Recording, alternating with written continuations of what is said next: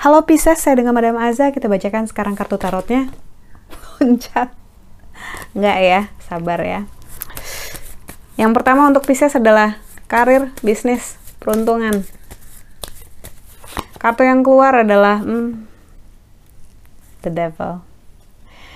Kartu The Devil ini menunjukkan adanya energi negatif. Ini merupakan warning card gitu ya, kartu yang memberikan peringatan, ngasih tahu gitu. Kalau misalnya kamu ngerasa ada sesuatu hal yang nggak salah gitu ya. Ini misalnya mau pakai uh, uh, apa? Orang baru gitu untuk kita tempat beli barang gitu kita mau beli barang di tempat orang ini gitu. Kita harus yakinkan bener bahwa orangnya ini latar belakangnya seperti apa sejarahnya seperti apa gitu ya kualitas produknya seperti apa dan begitu udah datang kita harus cek ulang. Kartu the devil menunjukkan adanya energi energi negatif yang berhubungan dengan pekerjaan karir ataupun bisnis gitu ya.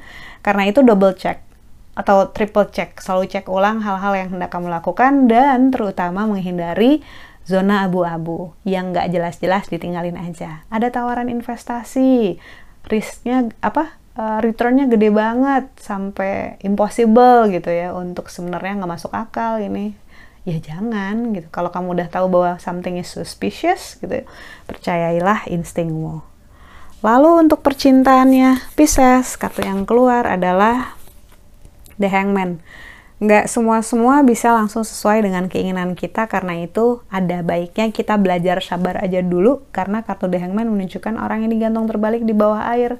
Jadi struggle, survive gitu ya. Untuk bertahan aja dulu sekarang udah bagus gitu.